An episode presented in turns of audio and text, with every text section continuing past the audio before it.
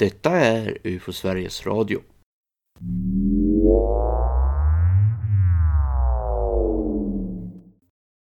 Ombordtagningen vid Whispering Winds. Natten mellan den 4 och 5 oktober 2001 kallades polisen till gården Whispering Winds i samhället Gundia norr om Brisbane på Australiens östkust för att undersöka en minst sagt ovanlig berättelse.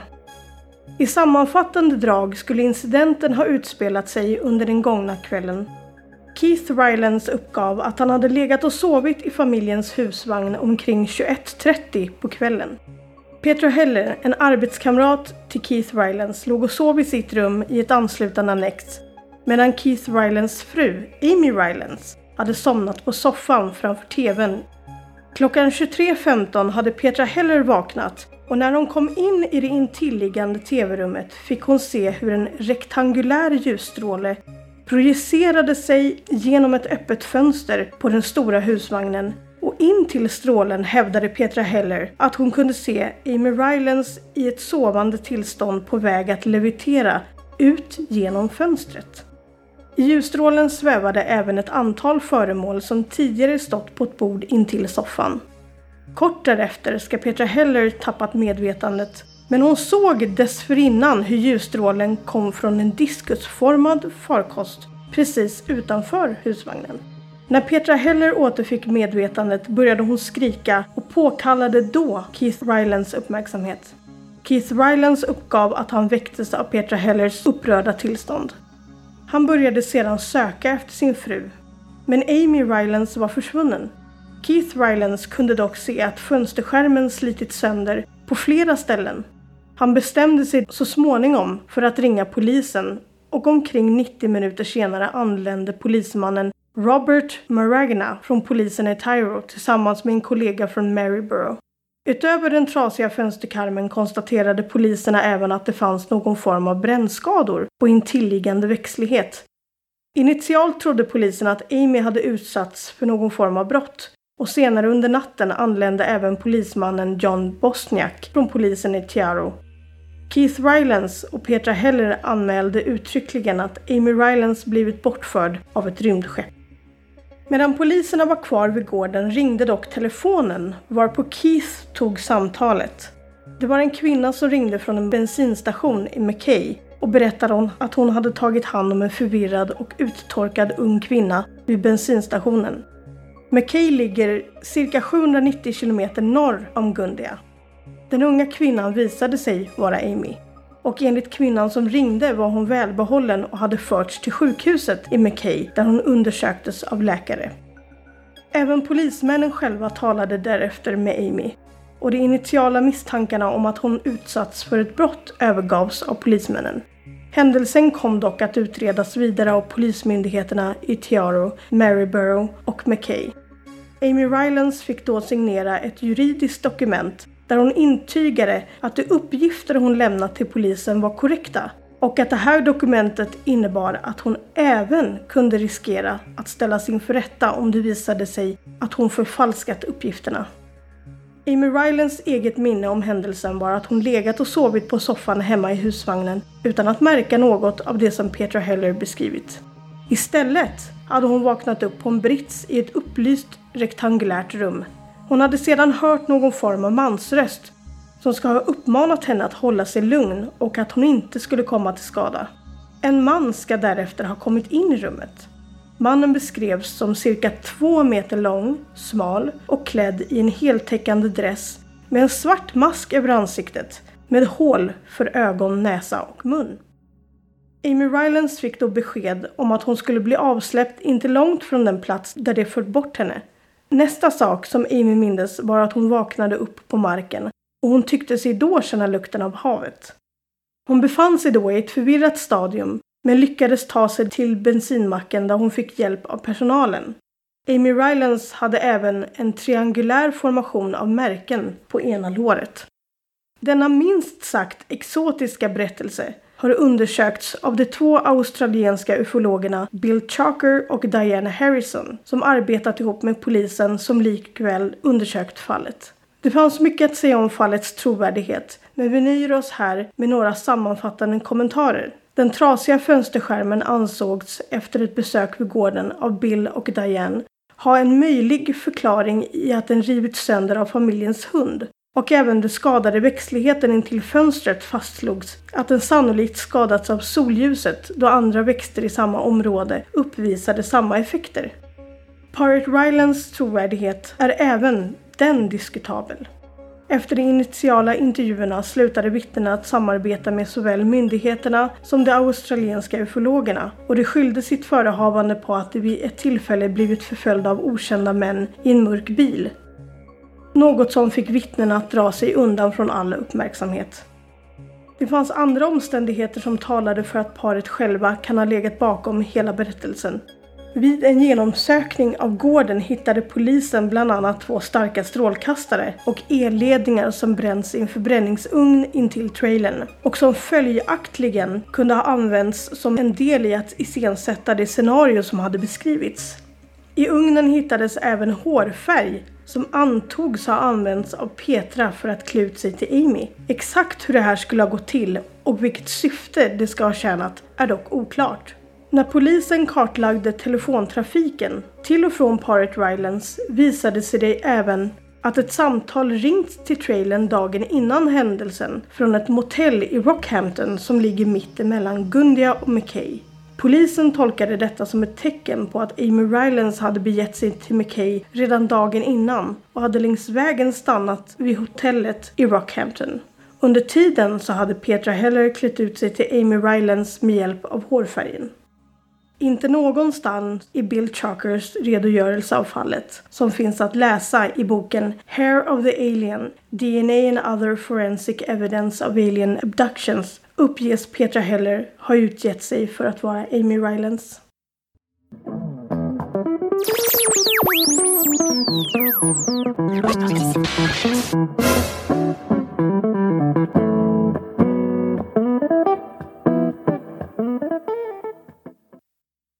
Vi hörde just berättelsen om ombordtagningen vid Whispering Winds sammanställd av Johan Gustafsson. Jag heter Tobias Lindgren och ni ska vara varmt välkomna till UFO Sveriges Radio. Mellan 2017 och 2020 sände Sveriges Radio UFO-podden i P3. De flesta avsnitt i samarbete med och med information från UFO Sverige. Men UFO-podden i P3 var en dramaproduktion som lade sitt fokus på det underhållande. De kunde därigenom ändra i faktiska förhållanden och delar kan ha lagts till och dragits ifrån. Men att deras väl så spännande avsnitt oftast var löst baserade på verkliga händelser. Därför publicerade UFO Sverige samtidigt en serie artiklar som vi kallade för Verkligheten bakom, som gav den ursprungliga beskrivningen av de dramatiserade händelserna. I dagens avsnitt av UFO Sveriges Radio hör vi tre av dessa UFO-händelser. Det läses av Victoria Telander Andersson och Tobias Lindgren.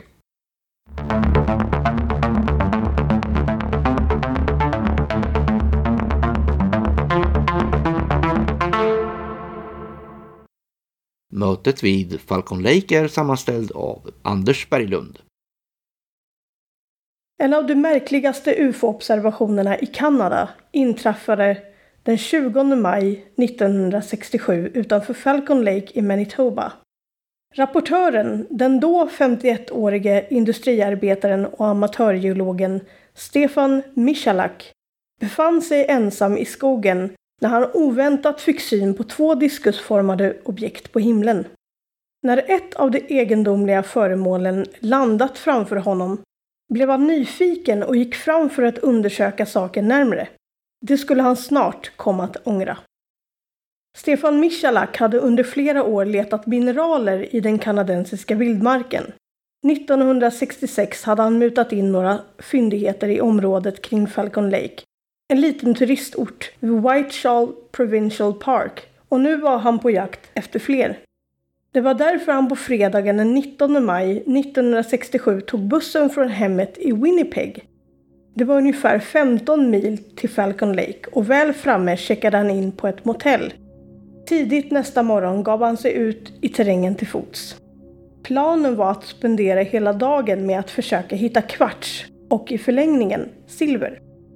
Det var en vacker lördag med klar, molnfri himmel. Vid niotiden på förmiddagen hade Michalak hittat en kvartsådra i en klippa nära en liten bäck. Han bearbetade fyndet fram till lunch. Efter att ha ätit matsäcken han hade med sig drog han åter på sig svetshandskarna och svetsglasögonen som han använde som skydd och arbetet med att chippa fram kvartsen fortsatte. Mitt på dagen, runt kvart över tolv, hörde han plötsligt gränande gäss alldeles i närheten. Michalak tittade upp för att se vad som hade skrämt iväg fåglarna och det var då han fick syn på två egendomliga föremål på himlen. På håll såg det ut som att två cigarrliknande objekt var på väg ner mot honom. När det ena föremålet kom ända ner till marken och tycktes landa bara 50 meter från Michalak såg han formen bättre. På nära håll liknade föremålet mer en diskus än en cigarr och den hade en kupol på översidan. Michalak såg att det andra föremålet, som stannat upp lite längre upp i luften, flög iväg upp mot himlen igen. Det åkte västerut tills det försvann bakom ett moln. Michalak höll sig till en början nära klippan. Eftersom han hade haft på sig svetsarglasögonen hade han fått röda ljusprickar eller efterbilder i synfältet av det bländade ljuset som strålade ut från objektet. Men det röda skenet föremålet haft under nedfärden hade mattats av. Nu var skenet mer gyllene. Noga observerade Michalak föremålet som landat det såg ut att vara gjort av varmt rostfritt stål. Han passade på att göra en skiss av det okända föremålet. Diskusen uppfattade han till 12 meter i diameter och räknade kupolen till 6 meter hög. Dessutom skulle han senare berätta att det luktade starkt av svavel. Efter en stund hördes som ett väsande ljud. Michalak har beskrivit det som att det lät som ett elektriskt motorljud eller som ljudet av ett luftintag Plötsligt öppnades en dörr vid sidan av föremålet. Michalak var väldigt nyfiken, så han började gå närmre.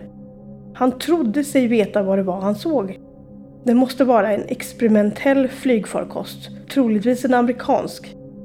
Nästan framme vid diskusen hör han också röster inifrån föremålet.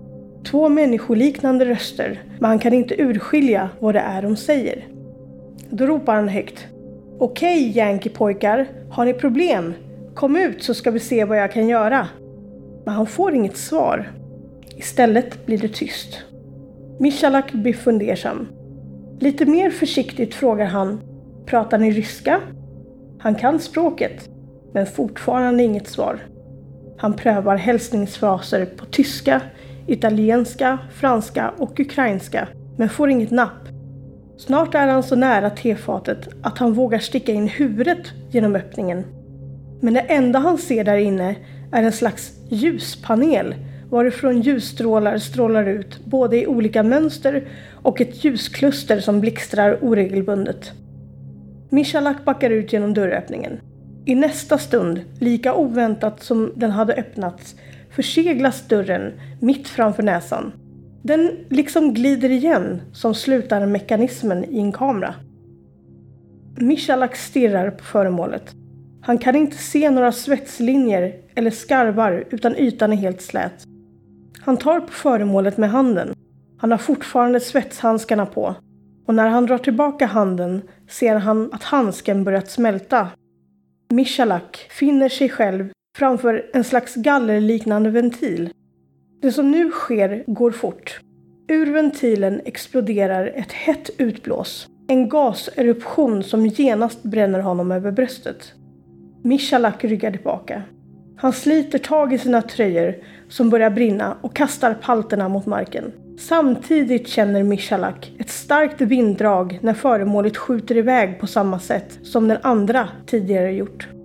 På håll ser föremålet åter cigarrformat ut.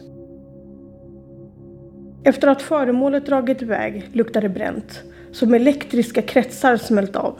Svavellukten är också påtaglig. Michalak känner sig kallsvettig. Han känner att han inte mår så bra och bestämmer sig för att ta sig tillbaka till motellet. Han stampar ur lite glöd i markvegetationen som tagit fyr intill hans pyrande klädhög innan han går tillbaka till där han ställt sina grejer.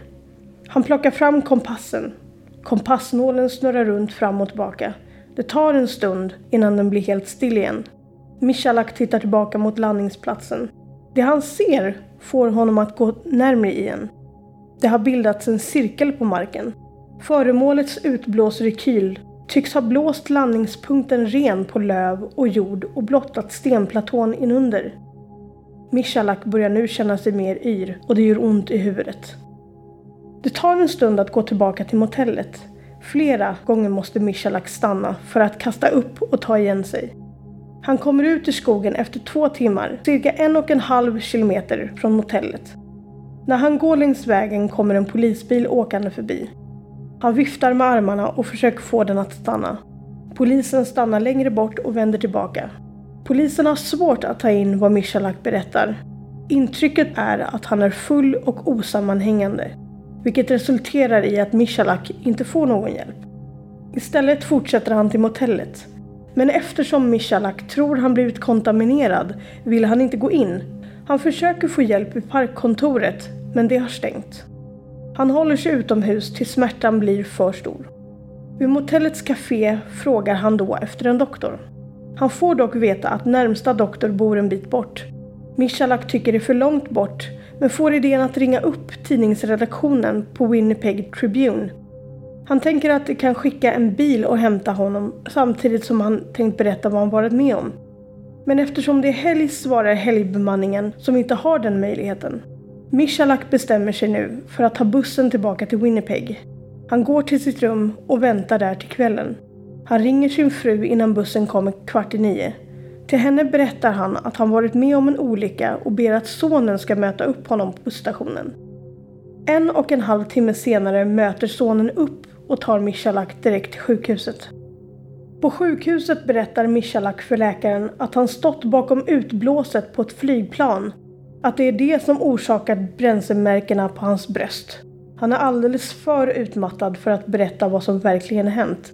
Han får lugnande och skickas därefter hem. Dagen efter mår han inte ett dugg bättre.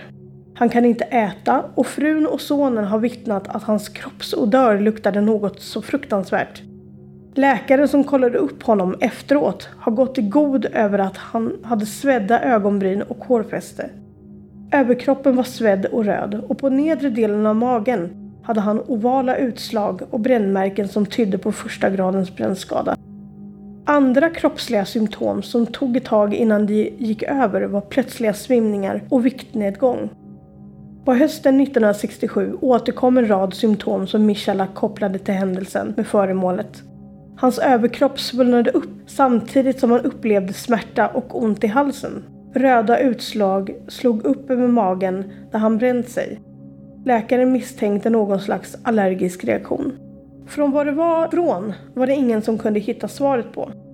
1968 åkte Michalak till Mayo-kliniken i Rochester, Minnesota för att försöka få hjälp med återkommande huvudvärk och skinnutslag. Då och då kunde också Michalak råka ut för svimningsattacker.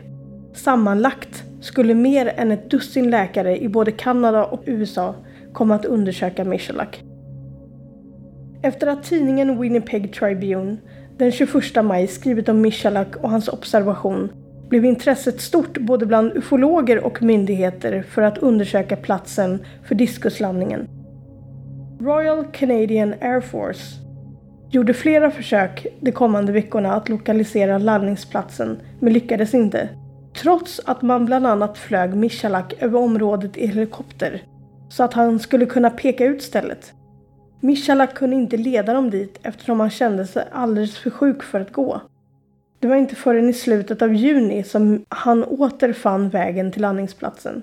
Då tillsammans med en vän till honom. Michalak och vännen passade vid tillfället på att plocka upp resterna av tröjan som låg på marken. Trots att Royal Canadian Air Force bett Michalak att lämna platsen orörd tills man kunde följa med honom dit.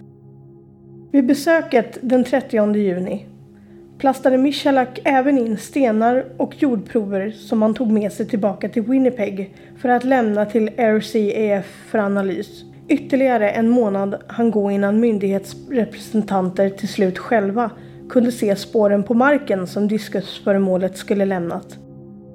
Och mycket riktigt fanns där på platsen en cirkel på marken där det såg ut som om mossa och jord skjutits undan av vad som mycket väl kunde ha varit ett starkt lufttryck. Undersökningsledaren Paul Biskey från RCAP kunde under besöket dock konstatera att Michalaks utsaga gällde vilken riktning tefaten lämnat händelsen inte kunde stämma.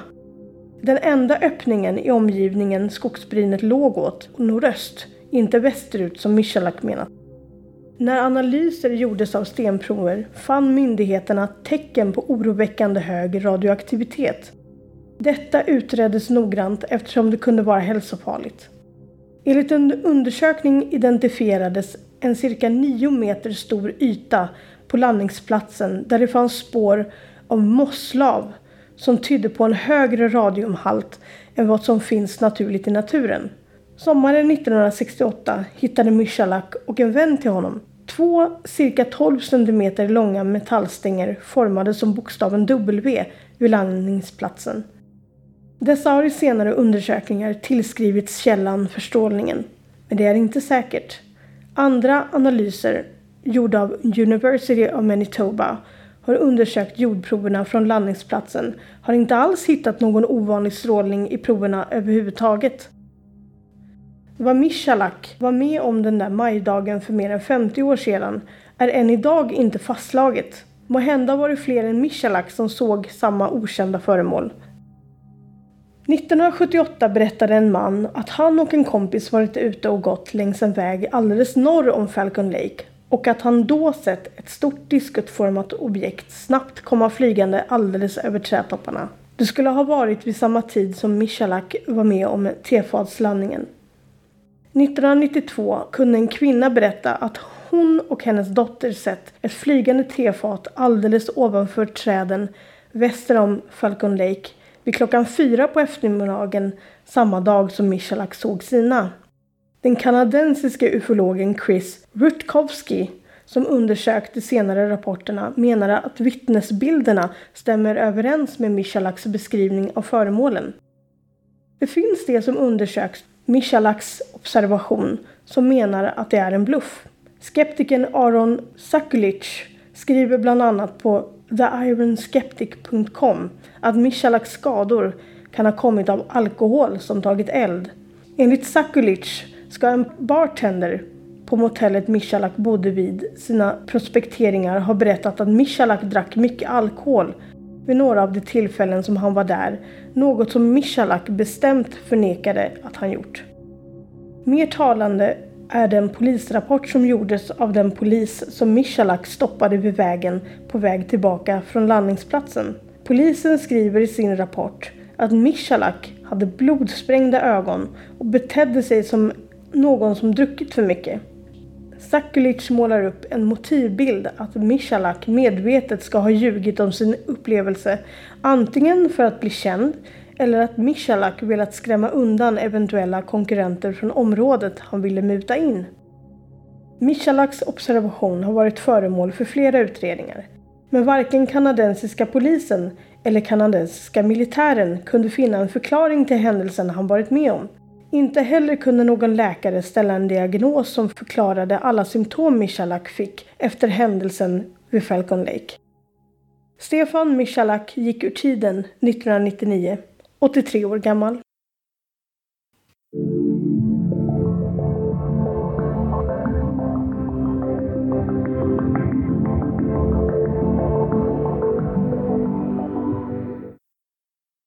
Avslutningsvis läser jag min egen sammanställning av verkligheten bakom flight JK 297 Spaniens kanske mest kända ufo-händelse inträffar sent på kvällen den 11 november 1979 ovanför vattnet söder om Ibiza. Besättningen på ett för den tiden vanligt passagerarplan ser något de inte förstår och blir så pass rädda att de tar det säkra för det osäkra och landar. Fyra timmar försenat lyfter JK 297 en rutinflygning med 109 tyska och österrikiska turister från flygplatsen VA Mozart i Salzburg, Österrike med bäring 255 grader mot Mallorca för vidare färd mot Las Palmas på Kanarieöarna utanför nordvästra Afrika. Resan kommer att ta ett antal timmar och sträckan som ska tillryggaläggas är närmare 3400 kilometer. Flygplanet är av typen Super Caravelle och efter ungefär en tredjedel av resan ska man gå ner på Mallorca för att fylla på bränsle. Söndagen den 11 november 1979 har bara några timmar kvar innan den övergår i måndag. Längst fram i flygplanet sitter flygkaptenen Javier Lardo de Tejada. Vid hans sida styrman Ramon Zuazo. Med finns också Francisco Javier Rodriguez, flygmekaniker och navigatör. Åter i luften efter mellanlandningen har de siktet inställt på att passera söder om Ibiza på en höjd av 33 000 fot, vilket är cirka 10 000 meter. När de når 6 000 meter släpper de kontakten med kontrollen på Mallorca för att snart plana ut på den andra och avslutande delen av resan till Kanarieöarna. Lamporna släcks inne i flygplanet, utanför är vädret stilla och lugnt. En mängd stjärnor glänser på natthimlen. Plötsligt får flygplanet ett anrop från Barcelona Kontroll som har snappat upp en nödsignal i havet nordöst om Valencia. De uppmanar kapten Lerdo de Tejada att byta till nödfrekvens då det uppenbarligen finns någon i närheten. Flygplan eller möjligen en båt som har problem och som sänder ut SOS. Kaptenen meddelar att JK 297 inte kan bekräfta då de inte kan höra någon signal. Navigatören kommer in och meddelar till kaptenen att det finns något på vänster sida om flygplanet som dessutom närmar sig snabbt. Kaptenen och hans kollegor kan då se två starkt lysande röda ljus som de uppfattar vara så nära som 200 meter från flygplanet. Klockan är bara några minuter efter 23 och kapten Lerdo de Tejada kontaktar Barcelona kontroll och begär information om de två ljusen som tycks vara på kollisionskurs. Men Barcelona kontroll svarar att det inte kan stämma då de inte kan se något annat flygplan på deras radar. Ni är de enda som befinner er i området. Kaptenen frågar åter vad dessa starka röda ljus kan vara. I efterhand har besättningen beskrivit nästkommande åtta minuter som en mardröm. Oron blev till slut så stark att de beslöt sig för att ändra riktning och börja sjunka. Kaptenen kontaktar flygplatskontrollen Manises i Valencia för att få möjlighet att avbryta sin planerade rutt mot Kanarieöarna och gå ner och landa. Flygplanet viker av åt höger och siktar in sig på Manises som är den närmaste flygplatsen och det kommer snart in mot Valencia. Det okända föremålet följer fortfarande efter flygplanet och med bara 50 kilometer kvar försvinner plötsligt föremålet enligt kapten Lerdo Tejada den militära radarn detekterade fyra okända eko i området runt Valencia. De kan se att ett av dessa okända eko är nära JK297 när det börjar sjunka. Det blev tydligare ju närmare Manises de kommer och är som närmast på ett avstånd av mindre än en kilometer. Besättningen på superkaravellen och de 109 passagerarna landar 23.45 utan dramatik på Manises i Valencia. Passagerarna tvingas att gå av planet utan att förstå vad som hänt. Först försening och sen detta. Det var inte lätt att förklara för passagerarna att det bara var för deras säkerhet. Deras resa skulle återupptas dagen därpå. Det spanska flygvapnet beslutar sig för att gå upp och genskjuta de okända föremålen. En timme senare på flygbasen Los Lanos utanför Albacete skickar man upp en Rote Mirage F1 Uppdraget är att identifiera okänt. Ett av flygplanen vänder ganska snart tillbaka till basen då någon typ av problem uppstår. Varför man väljer att gå upp 140 km väster om Valencia från Albacete förklaras med att man på radarn ser okända föremål mer inåt landet samt att man där har flygplan av typen Mirage som har mycket bättre manövreringsförmåga Piloten, den spanske flygvapenkaptenen Fernando Camara, gick upp till en hastighet av Mach 1,4 för att kunna få visuell kontakt. Han meddelar då att han ser något som har formen av en kon som ändrar färger, men också att han inte kan hålla samma hastighet som föremålet som han förlorar ur sikte. Han får information via radarn om att ytterligare ett föremål befinner sig nära, så han svänger skarpt mot Valencia och får visuell kontakt. Men också det föremålet försvinner snart ut ur hans synfält. Flygplanet börjar varna för något eventuellt elektroniskt problem samt att vapensystemen helt plötsligt är ur funktion. Men trots detta ökar kaptenen farten för att åter komma ifatt de okända föremålen. Operationen håller på i 95 minuter och den sista visuella kontakten avslutas i luftrummet utanför Lavente, cirka 100 km sydost om Valencia. När det okända är på väg mot Afrika och han själv på grund av bränslebrist blir tvungen att återvända till basen. Kan det verkligen stämma att en Super Caravelle blev nedtvingat av ett UFO? Flygbolaget bekräftar att något hänt med flygplanet och att föremålet ska ha varit farligt nära, kanske så nära som någon kilometer. Man ber också personal på flygplatsen att inte tala om UFO utan istället hänvisa till de spanska luftfartsmyndigheterna.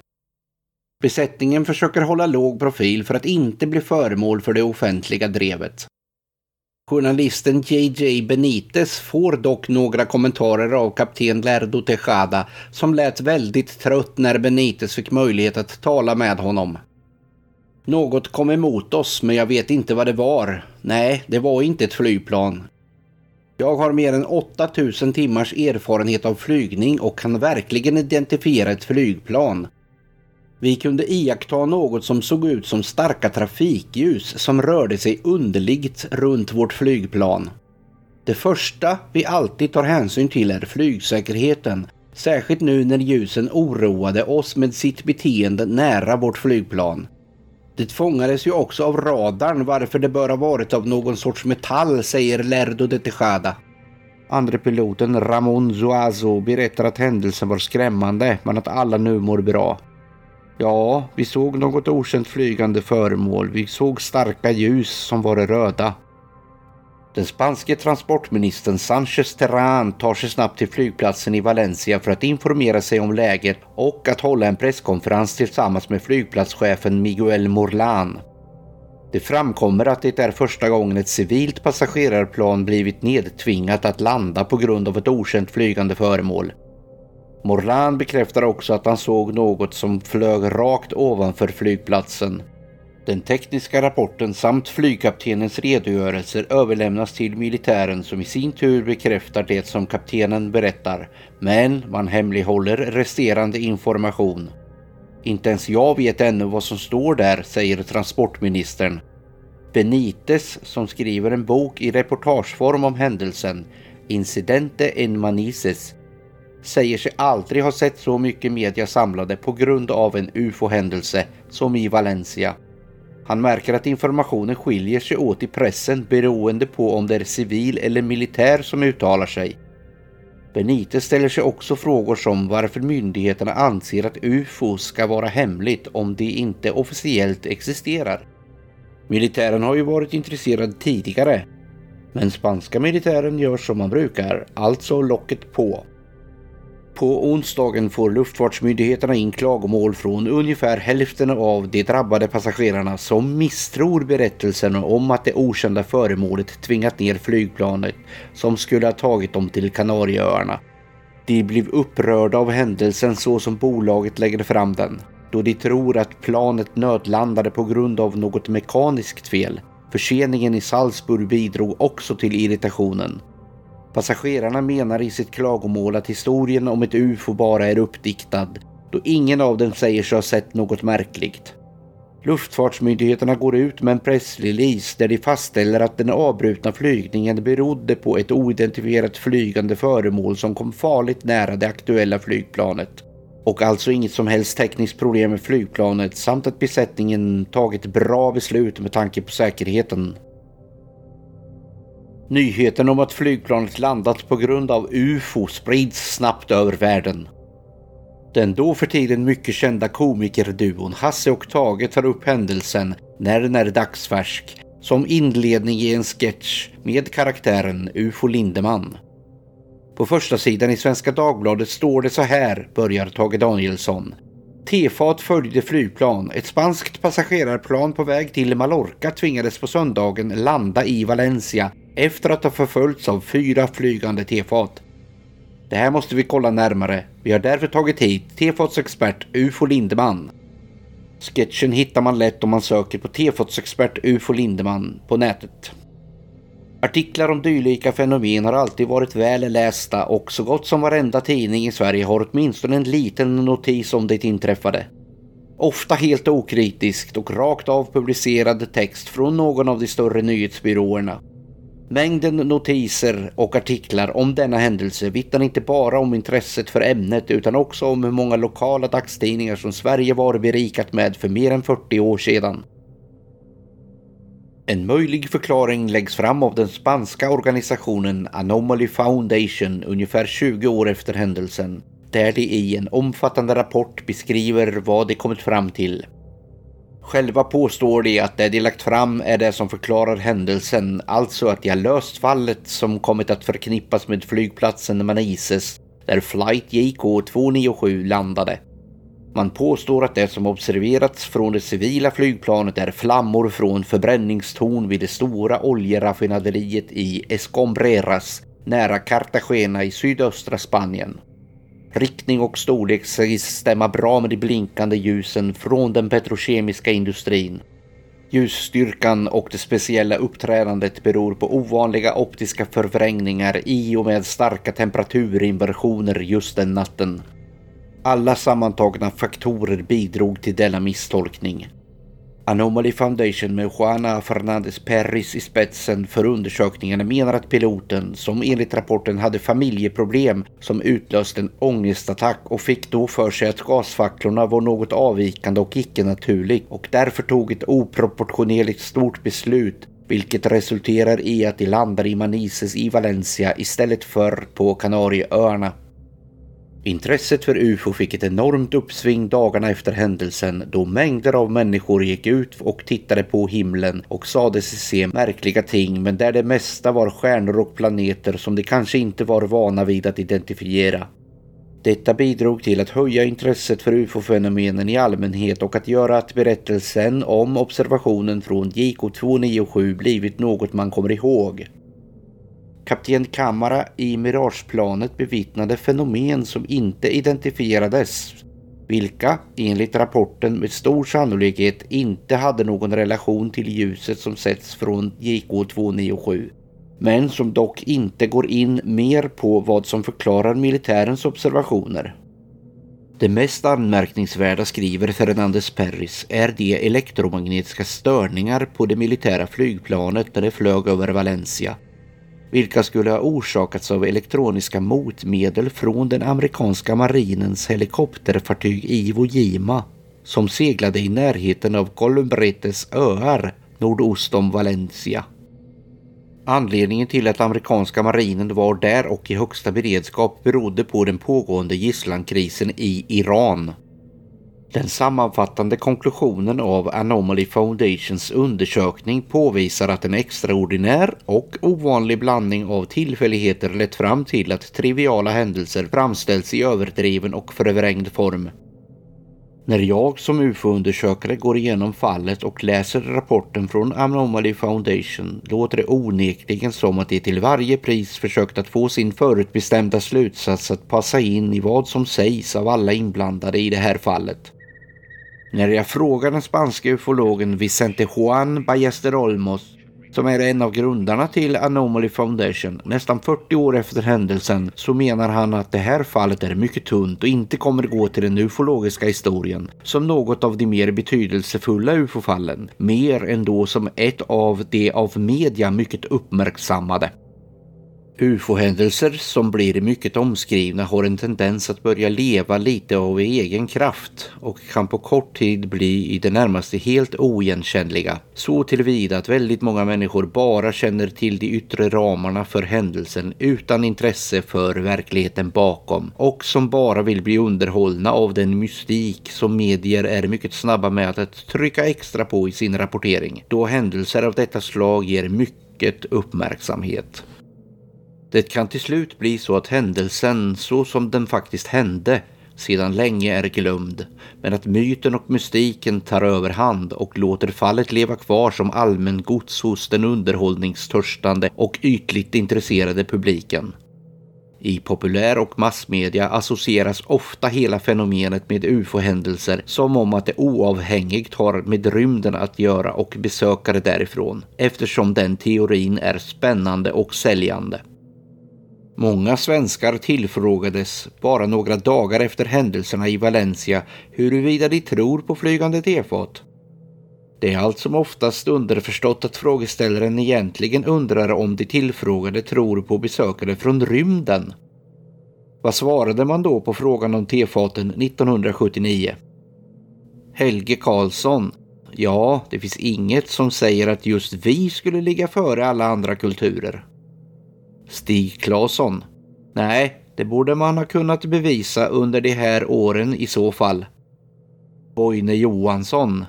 Nej, jag tror bara på sånt jag verkligen sett. Lotta Tillström. Ja, jag tror att det kan finnas andra levande varelser än vi i rymden. Bo Johansson.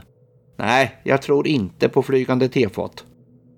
Det ska tilläggas att den allmänna och mediabilden av ufo-fenomenen har nyanserats och blivit mer seriös sedan händelsen i Spanien för närmare ett halvt sekel sedan. UFO Sveriges Radio görs av riksorganisationen UFO Sverige. Info ufo.se är vår e-postadress om kontakt önskas. Årets första UFO-aktuellt finns snart i din postlåda, om du är prenumerant. Har ni vägarna förbi Norrköping under 2023, hoppa gärna in på Arbetets museum och kolla in den finfina utställningen UFO Norrköping. Och så kanske vi ses i Västerås i maj då vi är där för 2023 års riksstämma. Vi hoppas att ni gillar det vi gör och på ett snart återhörande.